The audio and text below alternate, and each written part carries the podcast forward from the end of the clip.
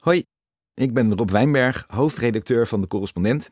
En ik wil jullie een verhaal voorlezen over een heel groot onderwerp: waarheid. Het verhaal is gebaseerd op mijn nieuwe boek Voor ieder wat waars. En het heet Hoe waarheid ons verdeelt en ons weer kan samenbrengen. We moeten het over waarheid hebben. En wel hierom. Bijna elke grote kwestie van onze tijd draait om waarheid.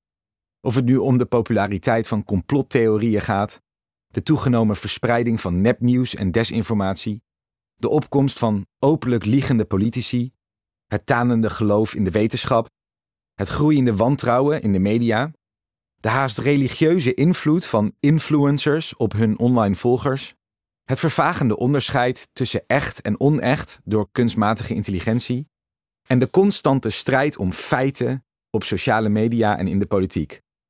In nagenoeg ieder groot publiek debat van nu staat het begrip waarheid centraal. De strijd om waarheid die onze tijd kenmerkt, is niet slechts een filosofische discussie, maar een strijd met echte gevolgen. In de Verenigde Staten bestormden duizenden aanhangers van Donald Trump, overtuigd van een gefabuleerd verkiezingscomplot, het kapitool om met geweld de bekrachtiging van de uitslag van de presidentsverkiezingen van 2020 te voorkomen. Tot op de dag van vandaag gelooft meer dan twee derde van de Republikeinse stemmers dat president Joe Biden op illegale wijze aan de macht is gekomen. In Groot-Brittannië leidde een campagne vol bewust gepropageerde onwaarheden ertoe dat het land zich na 47 jaar lidmaatschap afscheidde van de Europese Unie. Een beslissing waarvan de meeste Britten nu zeggen spijt te hebben. En wereldwijd hebben misinformatie en complottheorieën over het COVID-19-virus volgens wetenschappelijke schattingen tot honderdduizenden extra doden geleid die met accurate informatie te voorkomen waren geweest. Volgens sommige wetenschappers leven we dan ook in een post-truth society, een samenleving die voorbij de waarheid is geraakt. Waarheid, zo wil de theorie achter deze term, is in onze maatschappij haar zeggingskracht verloren. Of iets waar is of niet, het doet er steeds minder toe. Pathologisch leugenaars grijpen de macht, de wetenschap en de rechtspraak worden steeds minder geloofd. De media zijn bron van toenemende verdeeldheid en wantrouwen geworden. En inderdaad, als je het nieuws leest, de discussies op sociale media volgt of de debatten in de politiek bekijkt, kun je je moeilijk aan de indruk onttrekken dat waarheid aan zeggingskracht heeft ingeboet. Toch lijkt me de typering van een samenleving die voorbij de waarheid is geraakt niet de juiste. Ze stoelt namelijk op een te simplistisch idee van wat waarheid precies is. Het idee van waarheid als de scheidsrechter tussen feit en fictie. Maar waarheid gaat niet alleen over of iets klopt, of iets een feit is, of iemand gelijk heeft, de betekenis die de term tegenwoordig vaak in het publieke debat heeft. Nee, waarheid is veel meer dan dat. Wie de geschiedenis van waarheid bestudeert, ziet dat waarheid door de eeuwen heen vele functies heeft vervuld. Van een onbereikbaar mysterie dat de mens verlossing in een hiernamaals beloofde, tot een mobiliserend vergezicht dat de mens deed geloven in een utopie op aarde. Van een verwoestend geloofsartikel dat de mens de wapens deed grijpen, tot een emanciperende energie die de mens in opstand deed komen tegen onrecht en onderdrukking. Waarheid, zou je kunnen zeggen, is de bril waardoor een samenleving naar de wereld kijkt. Het is de bril die bepaalt wat zichtbaar is of juist in nevelen blijft gehuld. Of we overal goden inzien of overal moleculen. De bril die bepaalt wat wij voor mogelijk houden of juist onmogelijk. Of we geloven in vooruitgang of in de onveranderlijkheid van de wereld. De bril die de werkelijkheid ook een bepaalde kleur geeft: zwart-wit, rooskleurig of juist grauw. Het is ook de bril die bepaalt welke kant we samen opkijken. Omhoog naar de sterrenhemel in de hoop op antwoorden van boven, omlaag naar de grond in de hoop op wetenschappelijke kennis uit de fysieke realiteit. Of naar onszelf via een spiegel aan de wand, in de hoop op een leidraad van binnen. Waarheid, zou je kunnen zeggen, is een maatschappelijke gemoedstoestand. Ze bepaalt niet alleen of iets klopt of wie gelijk heeft, maar ook of we ons als samenleving optimistisch of pessimistisch voelen. Of we individualistisch of collectivistisch zijn ingesteld. Onderdanig of zelfbewust, in onszelf gekeerd of openhartig, nostalgisch of juist toekomstgericht. Wie op die manier naar waarheid kijkt, ziet niet enkel een strijd om feiten, om de vraag of klimaatverandering echt is of niet, of Joe Biden president van de Verenigde Staten is of niet, of corona een griepje was of niet. Nee, zo bekeken is de strijd om waarheid een veel grotere. Een strijd om de gemoedstoestand van onze tijd. Dat die strijd zo hevig woedt, dat onze debatten vaak verhitte debatten zijn en onze oneenigheid vaak vurige oneenigheid, is niet zo vreemd. Wij leven namelijk in een uitzonderlijk paradoxale tijd. Een tijd waarin we het aan de ene kant nog nooit zo goed hebben gehad, terwijl we aan de andere kant kampen met de grootste problemen die de mensheid ooit heeft gekend.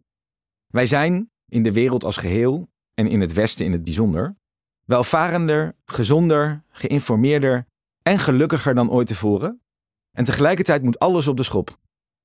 Want de bron van alle vooruitgang van de afgelopen eeuwen, de verbrandingseconomie, waarop de hele wereld van nu is gebouwd, is ook de bron van onze ondergang geworden.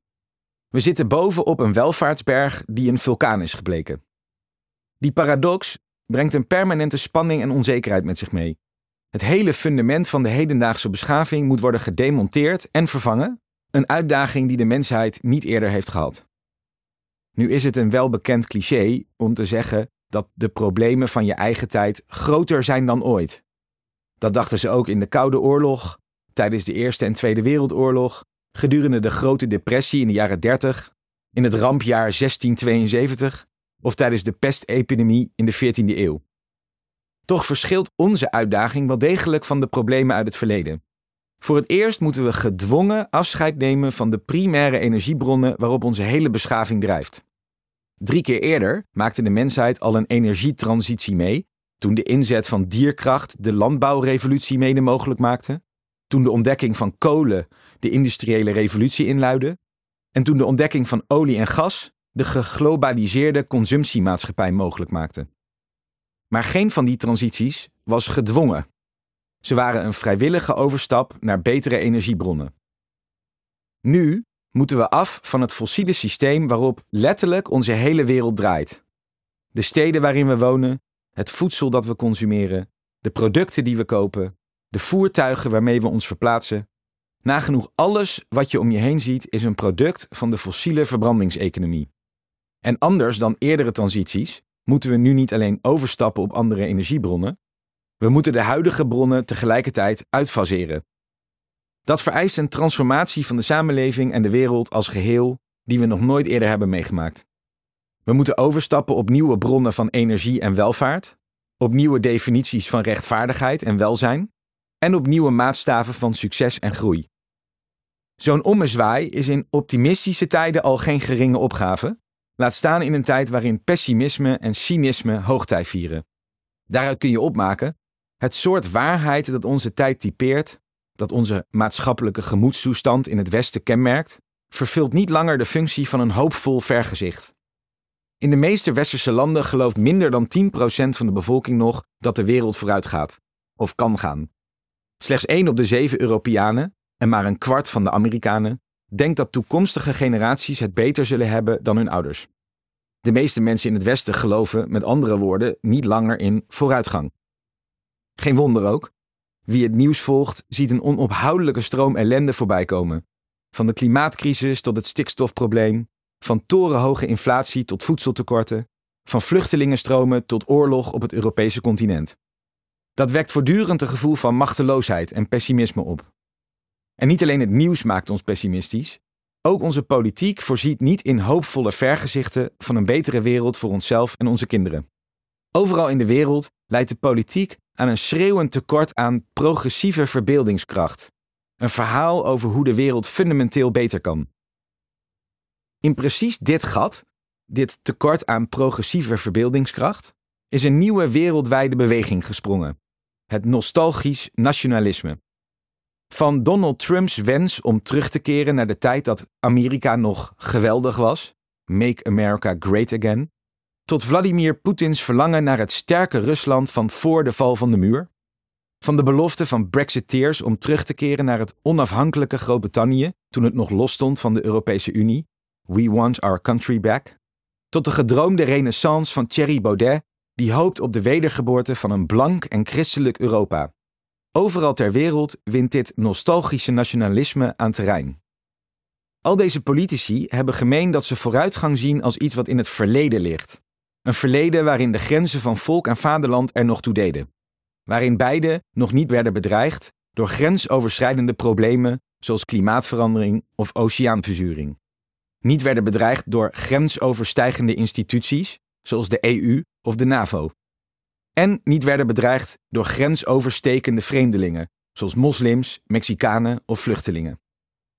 Vooruitgang, al dus de nostalgisch nationalisten, is terugkeren naar een verleden van voor de globalisering, toen buitenlanders nog ver weg woonden, terrorisme nog geen importproduct was van massa-immigratie en landsgrenzen de problemen nog buiten de deur hielden. Terugkeren naar een tijd ook waarin de wereld, in de woorden van de Amerikaanse filosoof Noam Chomsky, nog een bodemloze hulpbron en een oneindige afvalbak was. Dat de ontkenning of bagatellisering van klimaatverandering als een rode draad door veel van deze conservatieve bewegingen loopt, hoeft dan ook niet te verbazen. Wie niet erkent dat de verbrandingseconomie tegen haar natuurlijke grenzen aan is gelopen, kan gewoon op de oude voet verder gaan. Die kan het zwarte goud uit de grond blijven halen en de fossiele industrie voorspiegelen als een eeuwige bron van groei en welvaart. Of zoals de republikeinse presidentskandidaat Vivek Ramaswamy onlangs nog tijdens het eerste grote verkiezingsdebat zei: This isn't that complicated, guys. Drill, frack, burn coal, embrace nuclear. Zo vullen de nostalgisch nationalisten het gat in de verbeeldingskracht met een aantrekkelijke belofte. De belofte van een terugkeer naar een zorgeloze tijd. Toen het klimaat nog geen crisis en CO2 nog geen probleem was. Toen de bevolking nog autochtoon en de wijk nog homogeen was. Toen barbecuen nog gewoon gezellig en vliegen naar de zon een welverdiend genot was. Toen het boerenleven nog romantisch en stikstof geen nationaal debat was. Toen het eigen land nog onafhankelijk en de eigen identiteit nog een bron van trots was. Als vooruitgang geen verhaal meer heeft, dan vertelt het verleden wel waar we naartoe moeten. Als je door de bril van waarheid als scheidsrechter tussen feit en fictie naar deze beweging kijkt, zie je in het nostalgisch nationalisme vooral een teken dat waarheid haar zeggingskracht heeft verloren. En zie je de flagrante onwaarheden van populisten als Donald Trump, Boris Johnson of Thierry Baudet vooral als een aanval op de feiten. De feiten over klimaatverandering, migratie, de Europese Unie of de landbouwindustrie. Maar de onderliggende aantrekkingskracht van het nostalgisch nationalisme blijft dan buiten zicht. Die aantrekkingskracht is dat het weliswaar een gelogen, maar niettemin een coherent en tot de verbeelding sprekend antwoord heeft op die grote paradox van onze tijd. Dat we, om vooruit te gaan, enkel terug hoeven te keren naar vroegere tijden.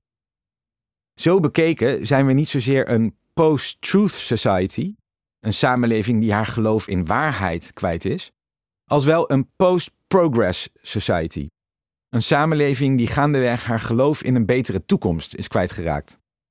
Een samenleving waarin individuen nog wel vooruitgang kennen in hun carrière, in koopkracht of op de sociale ladder, maar die als collectief geen perspectief heeft om naar te streven.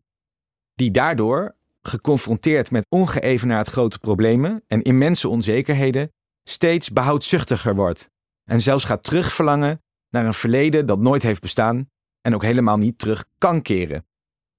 De onwaarheden die het publieke debat nu kenmerken en tot de term post-truth hebben geleid, komen immers stuk voor stuk voort uit een fundamentelere onwaarheid daaronder, dat vooruitgang achter ons ligt, in ons verleden in plaats van in onze toekomst.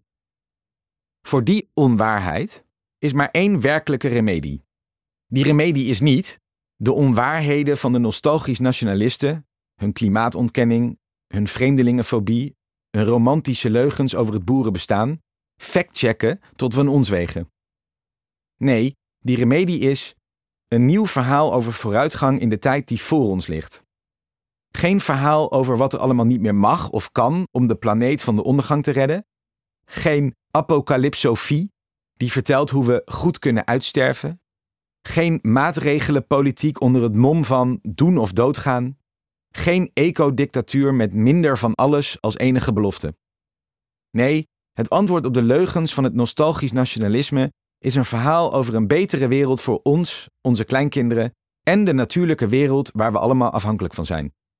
Een verhaal dat niet het egoïsme en de kwaadwillendheid van de mens benadrukt, maar juist onze verbondenheid en welwillendheid voorop stelt. Een verhaal dat niet slechts onze onafhankelijkheid en individualiteit bejubelt, maar juist onze afhankelijkheid en samenwerking bezingt. Dat de natuur niet beschouwt als een oneindige bron van geprivatiseerde rijkdom, maar als een ecosysteem dat een gezamenlijk welzijn mogelijk maakt. Een verhaal dat de economie niet voorspiegelt als een arena van competitie tussen concurrenten, maar als een netwerk van samenwerking tussen collega's. Een verhaal dat vrijheid niet omschrijft als een uitdijende ruimte van het individu om eigen keuzes te maken ten koste van de gemeenschap, maar als een uitdijende ruimte van de gemeenschap om keuzes mogelijk te maken voor ieder individu. Dat solidariteit niet ziet als de straf die je betaalt voor het falen van een ander, maar als de voorwaarde voor het succes van jezelf. Dat groei niet definieert als een steeds schevere verdeling van steeds schaarsere middelen, maar als een steeds eerlijkere verdeling van steeds grotere overvloed. Dat kennis en informatie niet ziet als producten om in ieders behoefte te voorzien, maar als publieke goederen die een gemeenschappelijke realiteit vormen. Een verhaal, kortom, dat waarheid ziet als iets wat we delen in plaats van wat ons verdeelt, met een nieuw idee van vooruitgang als kern. Want als het verleden geen vooruitgang biedt, zullen we de toekomst opnieuw moeten verbeelden. Het is de missie van de correspondent om voorbij de waan van de dag te gaan. Onze correspondenten voorzien het nieuws van context en schrijven over de grote thema's van deze tijd. De correspondent geeft me de vrijheid om mijn nieuwsgierigheid te volgen en de tijd om verhalen te schrijven. En zo probeer ik onzichtbare structuren zichtbaar te maken en een andere kijk te bieden op debatten die het nieuws domineren. Dan gaat het minder over het spelletje en veel meer over wat er op het spel staat. Vanaf dag 1 zijn onze artikelen, boeken en podcasts gefinancierd door onze leden. Volg ons op onze journalistieke zoektocht. Overweeg eens lid te worden van de correspondent. En maak daarmee samen met ruim 70.000 anderen onze onafhankelijke journalistiek mogelijk. Dus word lid van de correspondent. Ja. Word lid. Word lid.